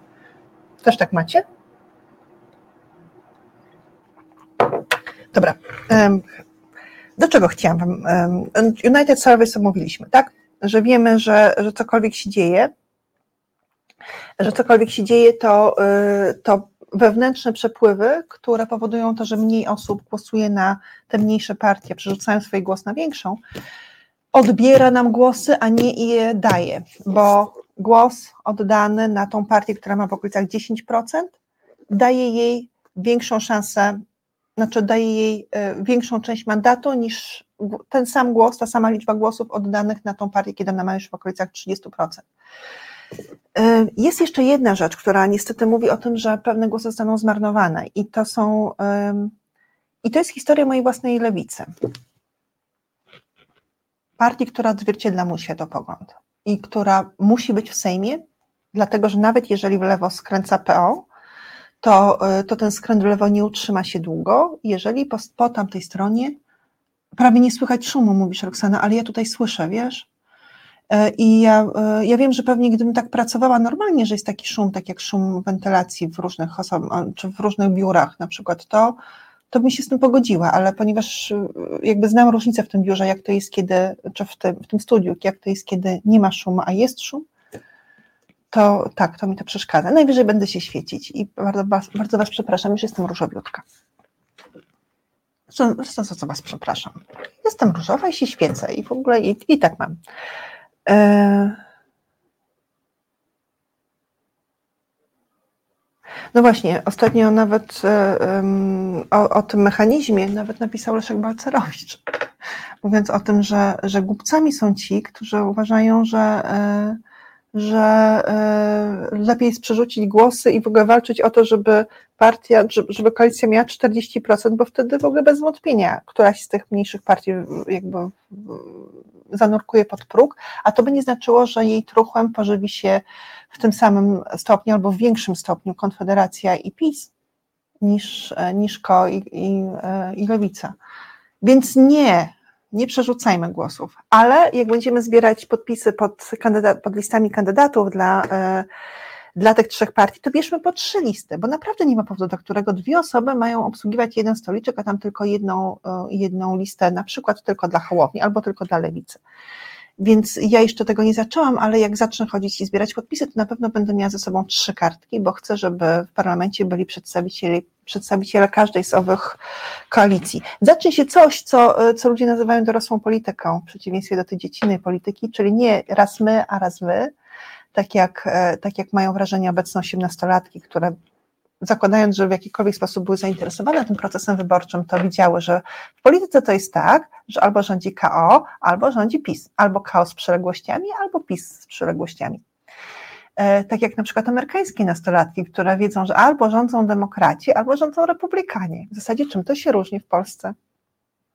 No właśnie tym, że weszły średnie partie, i e, weszła, weszła Konfederacja i poparcie dla, e, dla lewicy trzeciej drogi jest na tyle duże, że ich zdanie będzie musiane być, znaczy będzie musiane brać pod uwagę, znaczy trzeba będzie brać pod uwagę, kiedy, będzie, kiedy będziemy uchwalać różne rzeczy, które oczywiście będzie uwalał nam prezydent Duda, gdyż nie udało nam się zgromadzić i nie uda nam się zgromadzić tylu, tylu głosów, żeby odrzucać weto prezydenta Dudy. No i wtedy, proszę Państwa, wtedy będzie trzeba się dogadywać z konfederatami, czyli z posłami Konfederacji, którzy wejdą do Sejmu i których jedynie, znaczy których poparcie dla takich ustaw um, będzie musiało, znaczy oni będą musieli popierać ustawy, które, które będą, będzie proponować strona rządząca, obojętnie kto w niej będzie, gdyż bez jego, bez jego poparcia Duda za każdym razem będzie mógł e, jakby zmienić swoje stanowisko, czy zmienić treść ustawy, czy po prostu ją odrzucić. Byłoby głupio, gdyby okazało się, że jakimś nadludzkim wysiłkiem i jakimś e, skokiem e, zwyciężyliśmy i mamy więcej mandatów, i w związku z tym możemy mieć mikroskopijną większość w parlamencie i okaże się, że niestety każda, każda większa ustawa jest blokowana poprzez fakt, że 50 posłów PiSu ma już przygotowanych w swoim e, jakby pomieszczeniu, które jest dla prezydium PiSu, przygotowane karteczki z podpisami 50 posłów i za każdym razem składają, taką, e, składają takie zapytanie do Trybunału Julii Przyłębskiej, mówiąc o tym, a czy przypadkiem ta ustawa jest zgodna z konstytucją, a ta druga, czy jest, a ta 564, którą uchwalili, to czy ona jest zgodna z, z konstytucją, a Trybunał Julii Przyłębskiej będzie mógł chować jej do swojej własnej trybunalskiej zamrażarki, obsługiwanej przez kolejnych pracowników e, Trybunału i nie, nie dawać odpowiedzi, ale sam fakt, że, że pytanie tam leży, będzie powodowało to, że ustawa nie będzie mogła wejść w życie. Będzie bardziej skomplikowanie, kiedy już wygramy. Ale jeszcze pogadajmy, pogadajmy o tych strategiach e, wygrania, bo pamiętacie kiedyś, jak opowiadałam Wam, e, jak spotkaliśmy się z, z doktorem Maciejem Onaszem, które mam nadzieję, że będzie, będzie z nami za tydzień.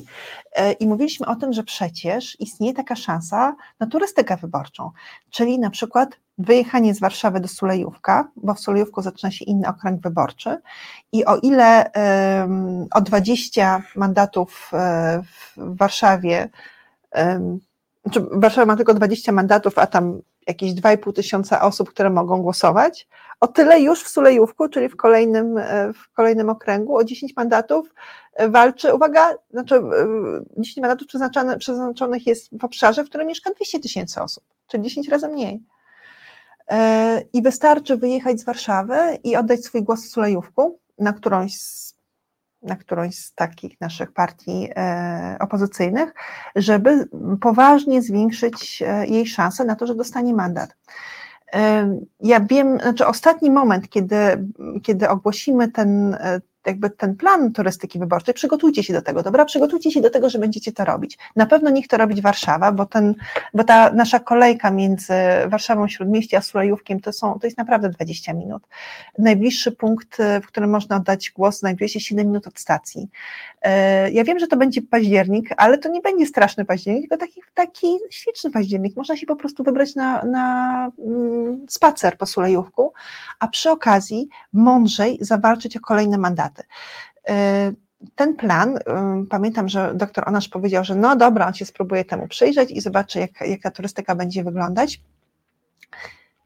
To nie jest tak, że tylko ja na to wpadłam i doktor Onasz na to wpadł. Wpadł na to y, również inne osoby, między innymi y, analityk, który, y, który nazywa się Michał Majewski, jest w Obywatelach RP i na, na stronie Obywatele, Obywatele News prezentuje różne analizy z odniesieniem do tych okręgów wyborczych, które mogą być miejscem naszej turystyki wyborczej.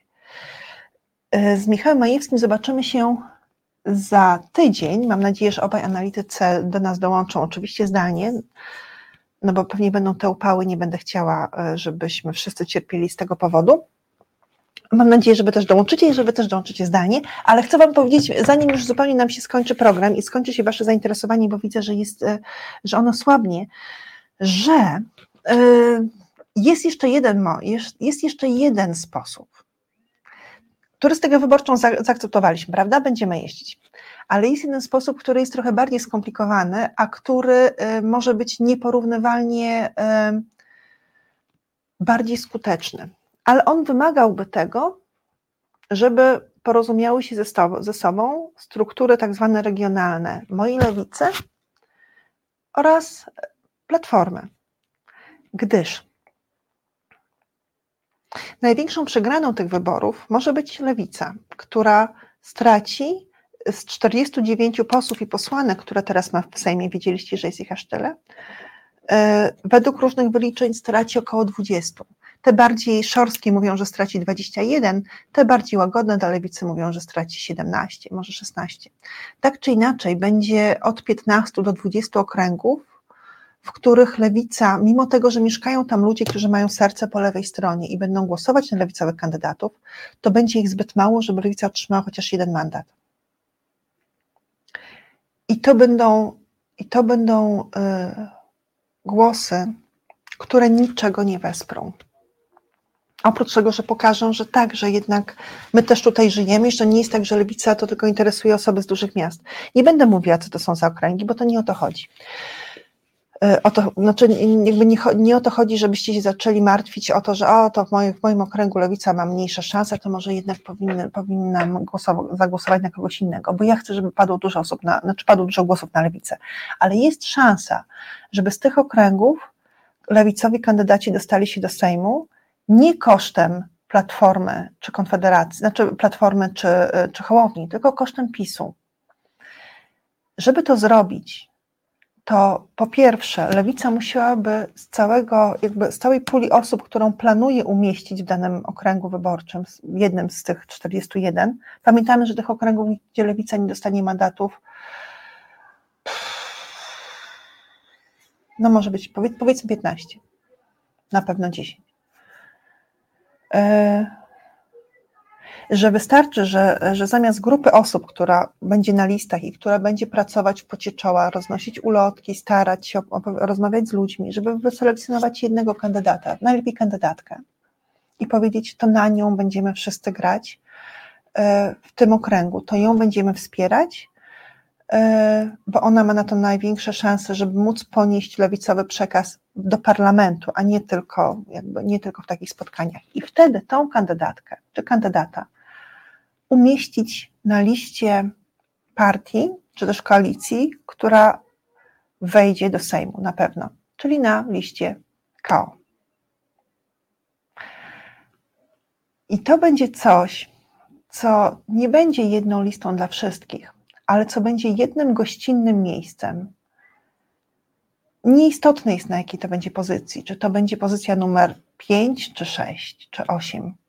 Ważne jest, że wszystkie osoby wspierające lewicę w tym regionie, wszystkie osoby chodzące z ulotkami, będą mogły chodzić, tutaj opłaci, opłaci się to platformie, bo one będą chodzić z ulotkami platformy i będą mówić na tych ulotkach na drugiej stronie, że wśród tych, wśród tych um, kandydatów Platformy, kandydatek Platformy, KO, czyli Zielonych, również i Nowoczesnej, i Inicjatywy Polskiej, jest kandydat czy kandydatka lewicowa i ona jest na miejscu numer jakimś tam.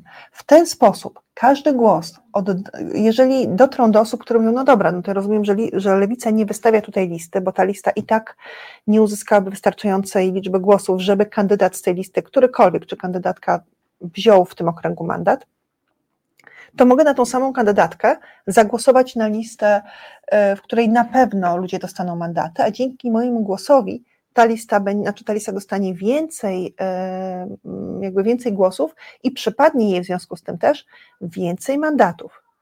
I być może będzie tak, że więcej mandatów o jeden spowoduje, że ten jeden pójdzie do tej naszej lewicowej kandydatki. Bo pamiętajmy, że co prawda poparcie dla lewicy jest różne w różnych okręgach. Tych okręgów jest 41 i tak naprawdę to e, odbywa się 41.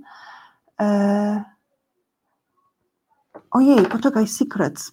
Dobrze, ja, ja, się do ciebie, ja się do ciebie odezwę. Dziękuję. Ja się do ciebie odezwę. Przepraszam, że, e, że tak. Powracając do lewicy, ten jeden dodatkowy mandat, który przypadnie, jakby przypadnie koalicji,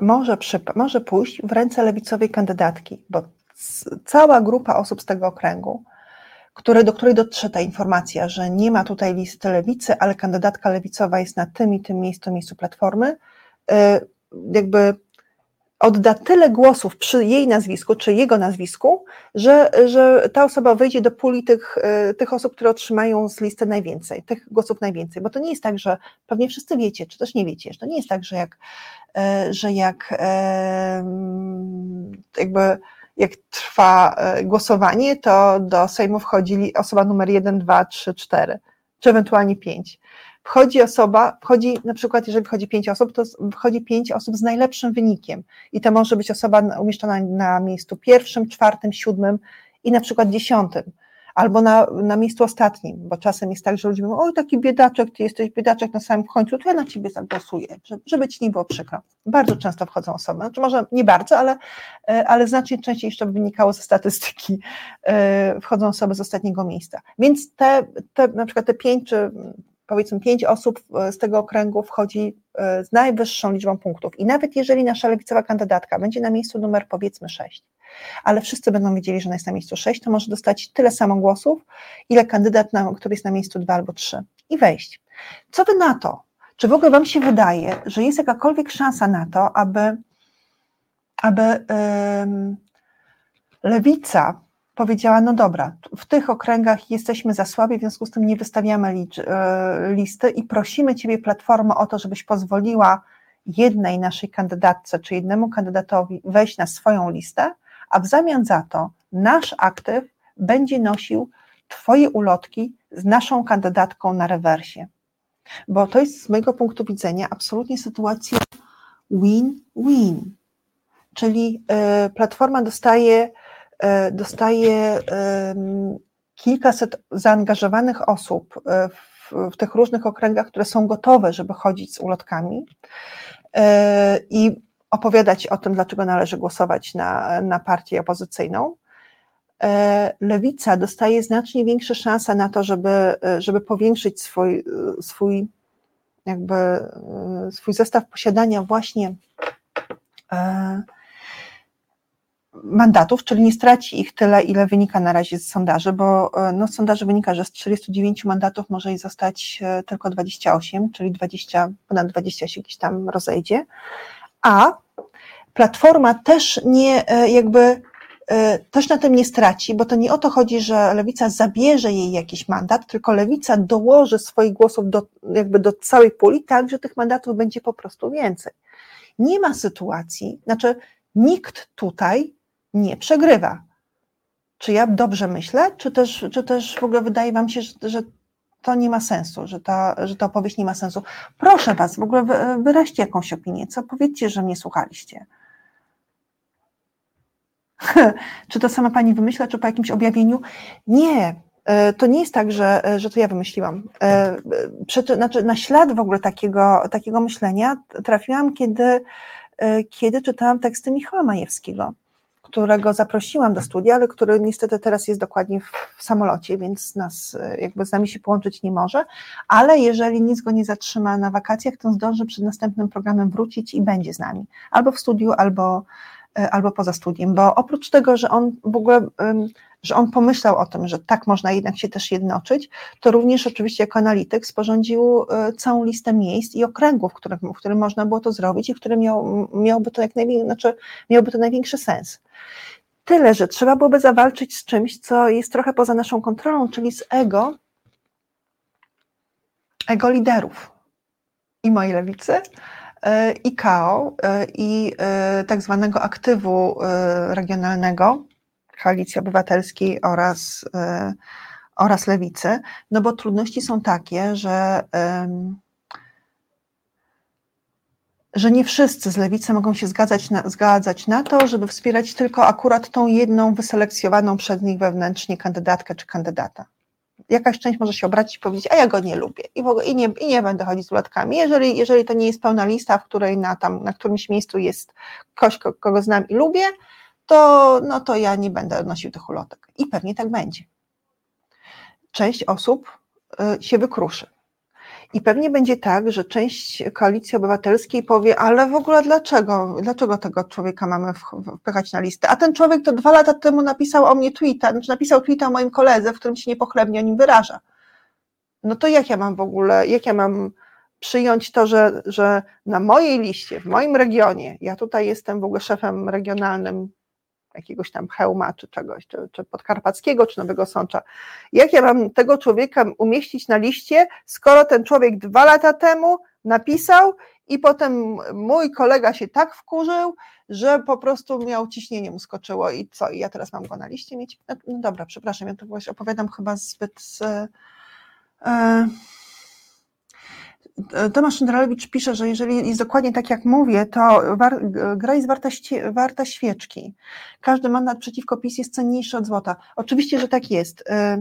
Chciałabym, żebyście spróbowali, jakby podtrzymali w ogóle tą, tą ideę, czy ona, czy wyrazili jak, jakieś zdanie, czy to jest, czy jest szansa na to, żeby przewalczyć takie regionalne uprzedzenia um, lokalnych polityków Przecież czasami to jest tak, że ci e, lokalni politycy trochę sterują gdzieś tam swoimi, sterują, znaczy trochę zarząd, nie sterują, bo to jakoś źle brzmi, ale zarządzają e, swoimi młodzieżówką, czy też zwolennikami i jeżeli proszą ich o udział w wyborach, o tym, żeby, żeby pomogli organizować te wybory, czy też e, chodzić z nimi w czasie, w czasie kampanii, no to na przykład nie zgadzając się na kogoś, mogą, mogą po prostu tego nie robić. Mogą powiedzieć, nie, nie, to ja w tym nie biorę udziału. Chciałabym, żeby do tego doszło, bo, to, e, bo z tych obliczeń, które wyko wykonał e, Michał Majewski, wynikało, że możemy mieć e, nawet do dziewięciu dodatkowych mandatów dla, dla lewicy. I to nie kosztem PO.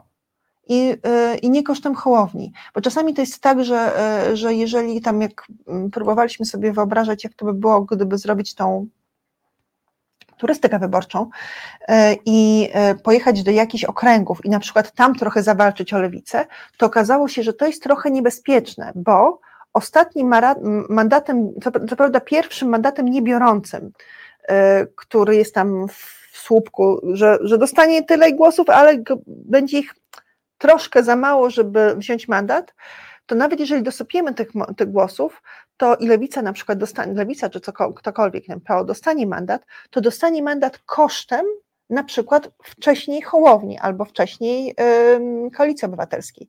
Nie chodzi o to, żeby, żeby wykopywać, yy, wykopywać partię, czy też koalicję, która bierze ostatni biorący mandat. Chodzi o to, żeby wykopać w czasie tej turystyki wyborczej yy, Konfederację albo PiS, jeżeli to ona bierze w tym w regionie ostatni biorący mandat. Czy ja, czy ja brzmię e, czy ja brzmię bardzo, znaczy jakoś logicznie, czy rozumiecie o czym mówię? Że jeżeli to jest tak, że w okręgu jest, jest na przykład 7 mandatów, cztery bierze PiS, dwa bierze, dwa bierze yy, koalicja i jeden bierze konfederacja, to pompować na przykład yy, lewicę, czy, czy pompować hołownię jest sens tylko wtedy, kiedy ona urwie mandat konfederacyjny, a nie na przykład urwie mandat y, koalicji obywatelskiej. Bo nam nie chodzi o to, żeby było więcej koalicji czy mniej koalicji, chodzi o to, żeby tych mandatów po stronie demokratycznej było dużo więcej. No więc y, w zasadzie zajawiłam Wam tylko temat, który będziemy, y, który będzie, o którym będziemy mówić dłużej za tydzień. Powiedziałam o tym, jak to jest z tym, y, z tym sondażem United Surveys, z którego się wszyscy tak bardzo cieszymy, że o, tutaj proszę, jak pięknie wzrosło Platformie. Pamiętajcie, że już wzrosło Platformie tuż po, po marszu 4 czerwca i to spowodowało tak duży spadek mandatów, ilości mandatów, że, że dopiero po czterech miesiącach czerwca. Lipca, nie, no dobrze, po dwóch i pół miesiącach staramy się z powrotem dobić do tego, do tego samego wyniku. I pracujmy nad niezdecydowanymi. Nie gadajmy tylko o swoim własnym gronie, ale gadajmy z tymi, którzy, e, którzy jeszcze nie wiedzą, na kogo będą głosować i którzy się skłaniają ku Konfederacji, bo jakby jak ktoś się skłania ku PiSowi, to jest jasne, że jakby nie ma co tracić naszej energii, ale um, nie rozmawiamy, nie rozmawiamy tylko w gronie przekonanych, rozmawiajmy również w gronie nieprzekonanych. Myślę, że nie mam więcej e, informacji, którymi mogłabym się podzielić, a które byłyby z mojego punktu widzenia jakoś istotne, żeby zajmować Wasz czas. Hmm, hmm, hmm. A, jeszcze nie powiedziałam o symetrystach. Kto, kto w resecie mówił o symetrystach wcześniej? E, nie, nie obserwowałam audycji moich kolegów, ale myślę, że e, myślę, że o tym opowiedzieli. W social mediach od dwóch dni e, czy od trzech dni e, dzieją się dwa różne wątki. Pierwszy, ten mniej rozpalający, dotyczył Hartmana, który miał być jedynką na Podkarpaciu.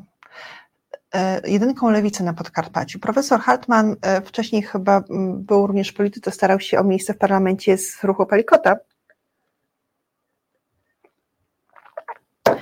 W niedzielę oznajmił, że będzie jedynką na Podkarpaciu i że będzie ostro pracował, pojedzie tam i będzie ostro pracował nad tym, żeby, e, żeby jakby lewica dostała tam mandat, chociaż mandat na Podkarpaciu, szanse na niego są zerowe, absolutnie zerowe, ale Hartman postanowił, że jednak tą orkę odbędzie razem z innymi osobami, które miały być na liście i że tak, że po prostu będzie orał, będzie chodził do tych wiosek, do tych strasznych górali, strasznych w tym sensie takich jakby o ugruntowanych opiniach i będzie starał się ją zmienić.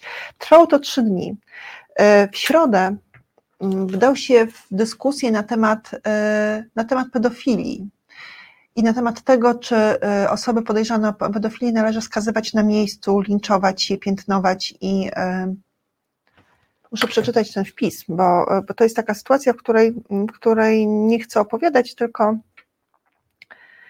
tylko powinnam przeczytać y, słowa posłowie, co napisał profesor Hartman. Hartman. Napisał. Drogie osoby moralnie wzmożone, nie wolno piętnować czy stygmatyzować przestępców, bo to narusza ich prawa, stanowiąc zachętę do bezprawnych działań wobec nich. Przestępców trzeba potępiać i karać, a nie piętnować. Dotyczy to nawet zabójców. To aby cadło państwa prawa. Wszyscy się rzucili na Hartmana za ten wpis, no bo jak to? E, zapominając o tym, że ukochana nasza lewicowa kandydatka do Europarlamentu, profesor Płatek, e, jest niestrudzoną obrończynią praw człowieka najgorszych przestępców umieszczonych w Gostyninie, bo uważa, że państwo prawa to jest państwo, które, e, które gwarantuje i realizuje prawa człowieka wobec każdego człowieka. Każdego człowieka, nawet przestępcy, ciężkiego przestępcy, nawet mordercy, nawet pedofila.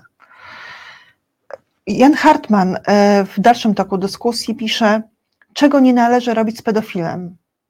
Piętnować, linczować, wysyłać na inną parafię, pisać listów do kolegi, żeby sobie go wziął do siebie.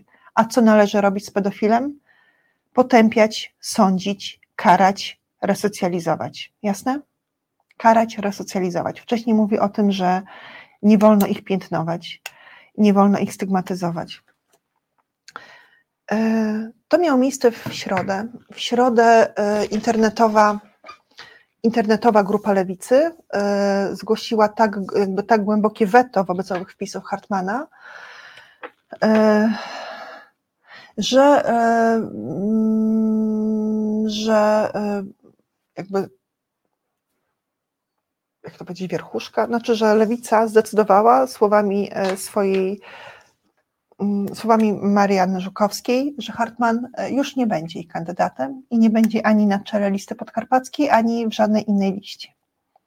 I to pewnie nie dlatego, że profesor Hartman uważa, że abecadłem państwa prawa jest to, żeby osądzać przestępców i ich karać, a nie, e, a nie ich piętnować i stygmatyzować, tylko dać się wypowiedzieć sądowi. Pewnie nie dlatego, tylko dlatego, że e, bardzo duża grupa internautów bardzo mocno się tego domagała i bardzo krzykliwie. I, e, i w obliczu wyborów uznano, e, że internetowi wspomagacze są nam bardzo potrzebni i jeżeli jakaś grupa wystarczająco liczna i wystarczająco głośno się czegoś domaga, to znaczy, że trzeba to, e, że trzeba ich potrzebę czy ich żądanie spełnić. Wywalono Hartmana. Kilka dni później na plaży onanizował się pewien facet.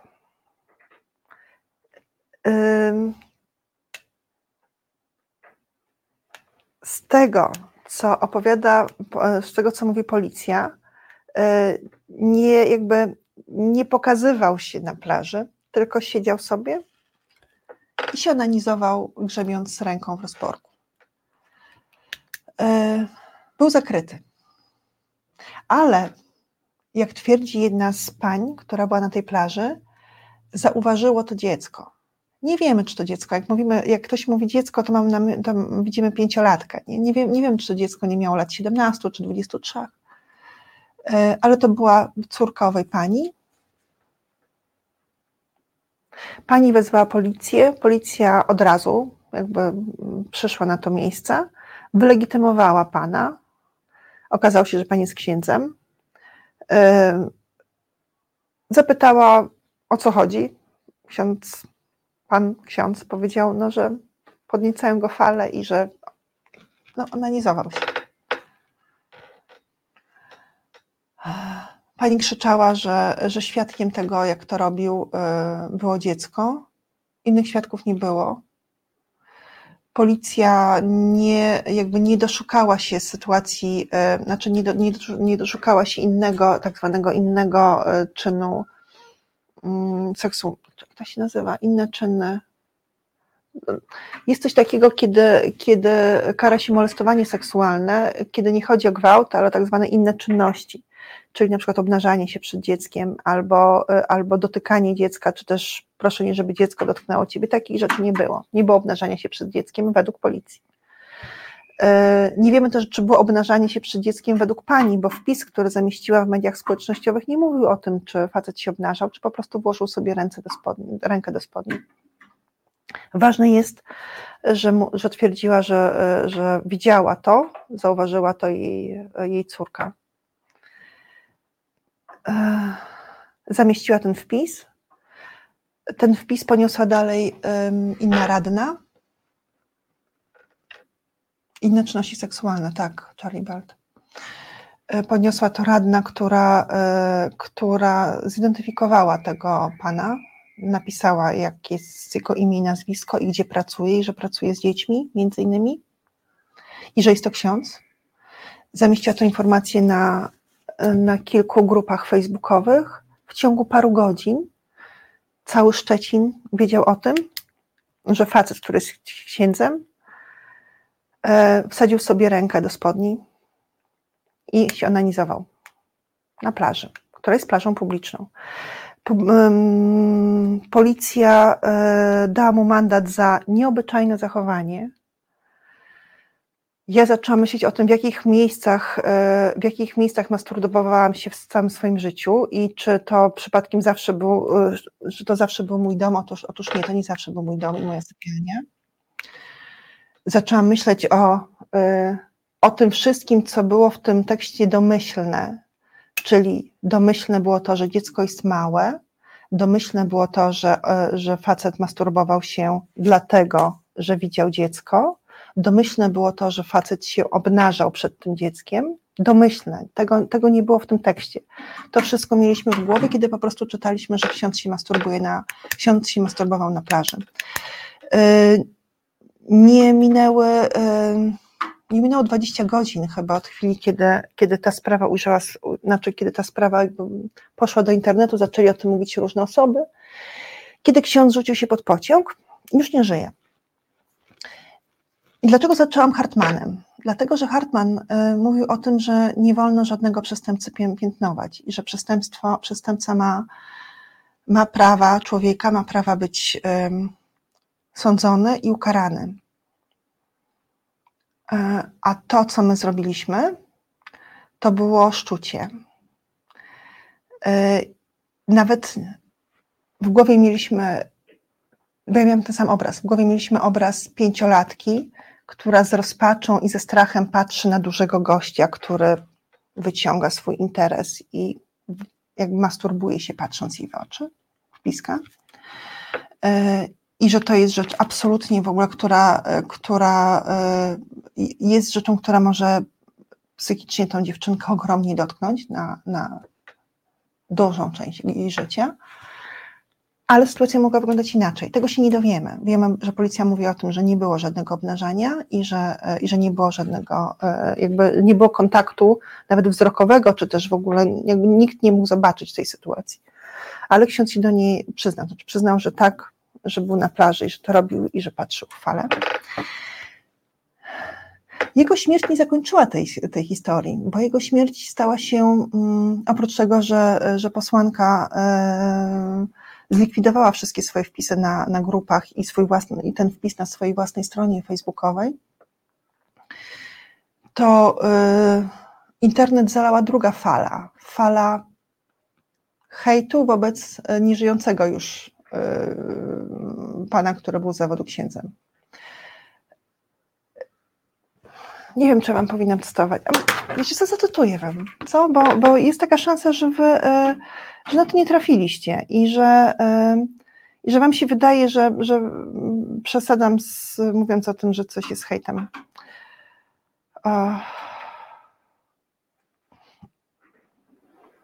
Sprzedał traumę maszyniści, jakby nie mógł się normalnie powiesić lub też wręcz przybić do, kawa- do kawałka drewna. Chuj nie ksiądz, pisze pewien Krzysztof. Mm. Kolejny Krzysztof mówi, mógł się rzucić pod pociąg przed akcją na plaży. Pewien Sebastian pisze, zafajdał tylko pociąg z bok jeden. Pewna Anna pisze, czyli pedofil poszedł tam, gdzie jego miejsce.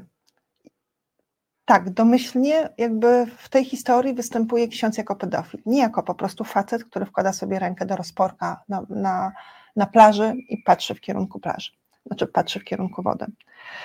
E, pewien Michał pisze, podobno ten Klecha dzisiaj już zadzwonił do świętego, do, do świętego Piotra. Zmarło mu się, e, pisze Sebastian. Karolina mówi grubo, ale jakoś mi nie żal. W gruncie rzeczy nawet lżej mi na serduszku. Michał pisze, e, taki sobie krotochwilny, Michał pisze, a może miał pociąg do ostrego rżnięcia, sam przerobił się na relikwie. Tych rzeczy jest, jest więcej, bo ja zaczęłam robić im screeny, a potem pomyślałam, że, że te screeny w zasadzie też stanowią bagno w moim telefonie. Zacznijmy od Hartmana, który został wywalony z listy lewicy, dlatego że mówił o tym, że pedofile mają prawa. Mają prawo do tego, żeby być, e, że każdy ma prawa, każdy przestępca ma prawo do tego, żeby być osądzonym i ukaranym.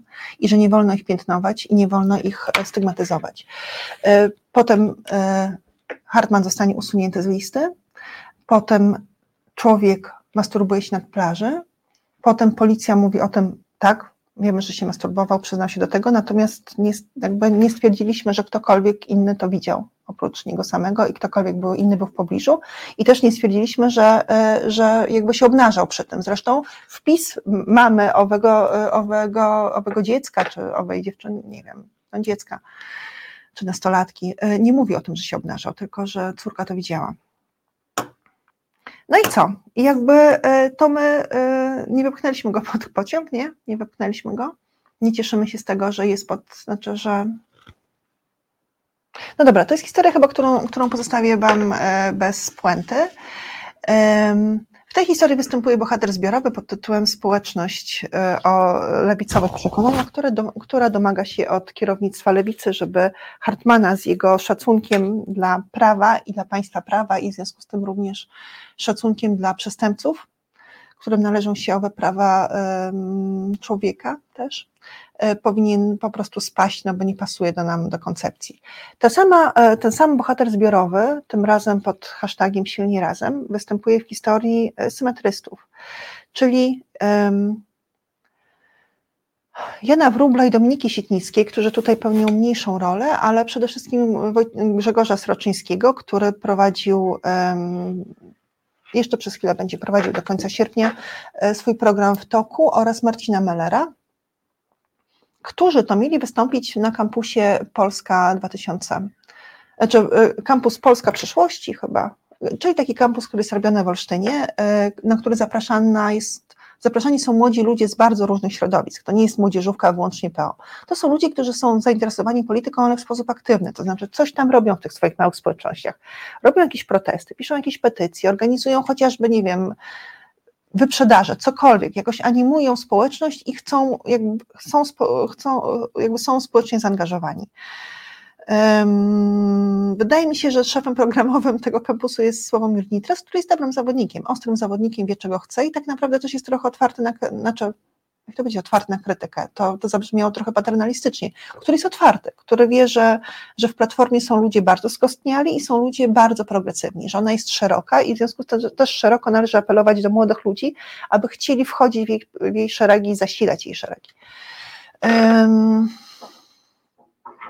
Pojawia się wpis Marcina Mellera, że będzie, e, że będzie prowadził na owym kampusie, uzgodniony z Nitrasem, e, tak zwany panel symetrystów. Używa określenia symetryści e, w sposób taki w arebur, to znaczy symetrystami w tej chwili nazywamy dziennikarzy oraz publicystów, nie wiem, no, ktokolwiek, kto, kto ma jakiekolwiek zasięgi i publikuje swoje opinie gdzieś albo w, w gazetach, albo tak jak ja mówi, mówi do kamery w studiu, ojej, powinnam za chwilę kończyć.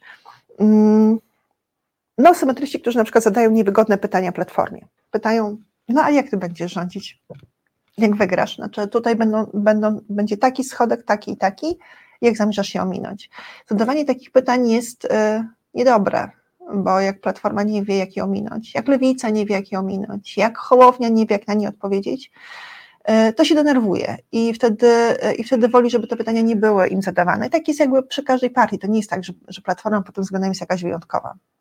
Lepiej e, nie wskazywać niekompetencji i braków w programie każdej partii. Jeżeli jesteś dziennikarzem i zaczynasz o to pytać, nie daj Boże w okresie wyborczym, to znaczy, że działasz na, na zlecenie ciemnych sił czyli jesteś symetrystą e, i jako symetrysta nie powinieneś mieć wstępu w ogóle do naszych, do naszych spotkań, bo jeszcze e, obniżysz nam ten poziom entuzjazmu. Ja mam wrażenie, że to, co ja robię od paru miesięcy, to naprawdę jest obniżanie poziomu entuzjazmu wobec, wobec każdej z tych partii, chociaż ciągle mówię o tym, że będę, e, że moje serce jest po lewej stronie ale ja chcę, żebyśmy wszyscy razem, jako wszystkie partie demokratyczne, wygrali wybory. I kompletnie jest, e, jakby nie jest dla mnie mocno istotne, jaki będzie ten rozkład mandatu. Ważne jest, żeby on był na tyle duży, żebyśmy mogli bezpiecznie przeprowadzić zmiany, e, które uczynią nasz kraj lepszym i praworządnym i odzyskamy wszystko. Dobra, powinnam wrócić. No wrócimy do tego kampusu.